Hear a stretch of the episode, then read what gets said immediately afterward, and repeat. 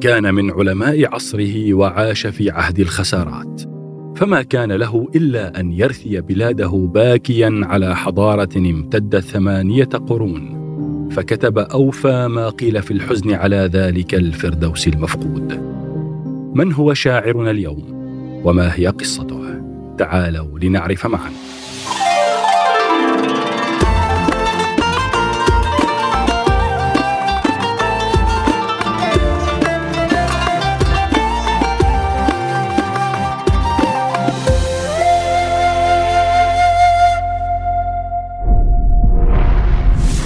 أبو البقاء الرندي. هو صالح بن يزيد الرندي وتختلف كنيته في الكتب والمصادر بين أبو البقاء وأبو الطيب. وقد يكون أبو الطيب الاسم الأشهر في زمانه. ولد في مدينة الرندا في الأندلس عام 601 هجرية 1204 ميلادية. وبدأ تعليمه منذ الصغر على يد والده أبي الحسن يزيد بن صالح. ثم التحق بمجالس الشيوخ فأتم فيها حفظ القرآن الكريم وأجاد رواية الشعر وأتقن قوانين اللغة. وفي شبابه جاب أبو البقاء مدن الأندلس طالبا للعلم ولم يكترث بمتاعب السفر. إذ كانت مدن إشبيلية ومالقة وقرطبة تزدهر بعلمائها البارزين. وعرف أبو البقاء بالشاعر الأديب والكاتب الفقيه. وأصبح من أهل الخير وذوي الفضل. ووصفه محمد بن عبد الملك المراكشي وهو أحد تلاميذ أبي البقاء فقال كان خاتمة أدباء الأندلس بارع التصرف في منظوم الكلام ومنثوره فقيها حافظا فرضيا متفننا في معارف جليله. وفي مشيخته أصبح أبو البقاء شيخا جليلا ذا مكانة رفيعة بين قومه واتصل ببلاط بني نصر. وكان كثير التردد على غرناطة يستنصر ملوكها ويمدح أمراءها حتى أصبح شاعر البلاط النصري. وكانت وفاته سنة 684 وأمر أن يكتب على قبره بيتين من الشعر.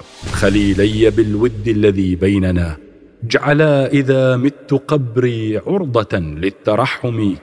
عسى مسلم يدنو فيدعو برحمة فإني محتاج لدعوة مسلم. كانت الفترة التي عاشها أبو البقاء في الأندلس هي فترة حكم ملوك الطوائف وانحسار مساحة الدولة وانهيار المدن والقلاع والحصون ضمن الحملة الصليبية بقيادة ألفونسو. والتي بدأت حين كان عمر أبي البقاء عشرة أعوام. في حزيران يونيو عام 1212 بدأت معركة العقاب ضد دولة الموحدين وسيطرت على كاسترو فيدال ثم بايزا وأبدا وسقطت قرطبة عام 1236 على يد فرناردو الثالث. وريث ألفونسو وتوالت من بعدها خواين عام 1246 وإشبيلية عام 1248 ومع انحسار مساحات سيطرة المسلمين في الأندلس كانت تزداد الخلافات بين العوائل الحاكمة.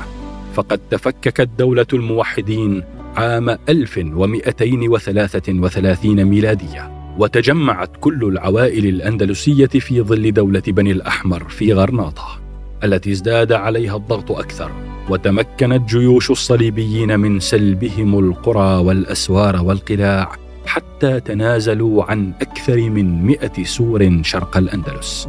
وفي هذه الظروف شعر أبو البقاء الرندي أن كل شيء يتهاوى. فغرناطة بقيت القلعة الأخيرة من أنقاض دولة عاشت في الأندلس أكثر من ثمانية قرون.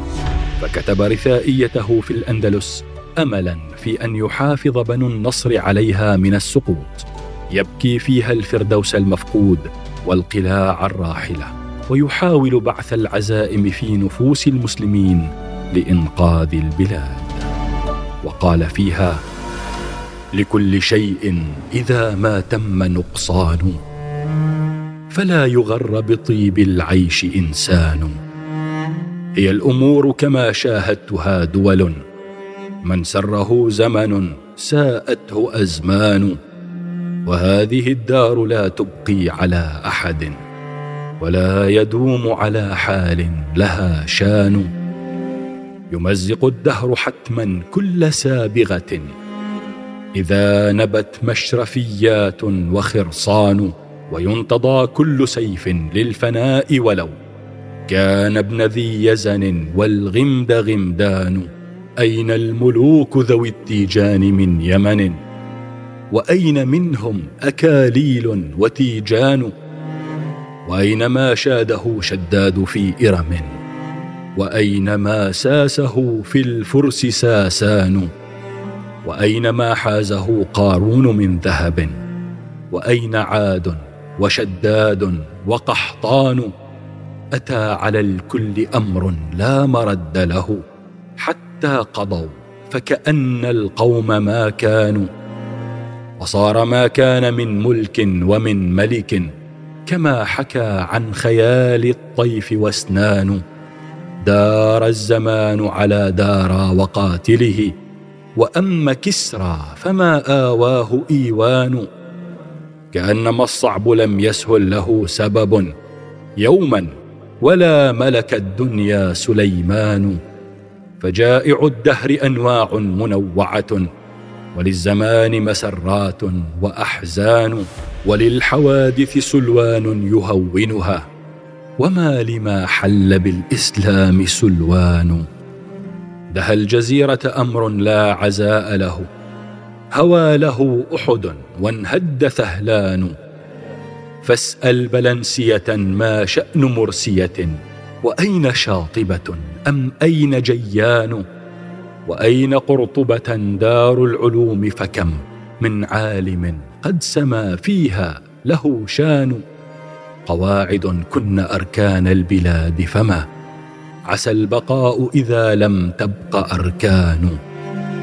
تبكي الحنيفية البيضاء من أسف كما بكى لفراق الإلف هيمان.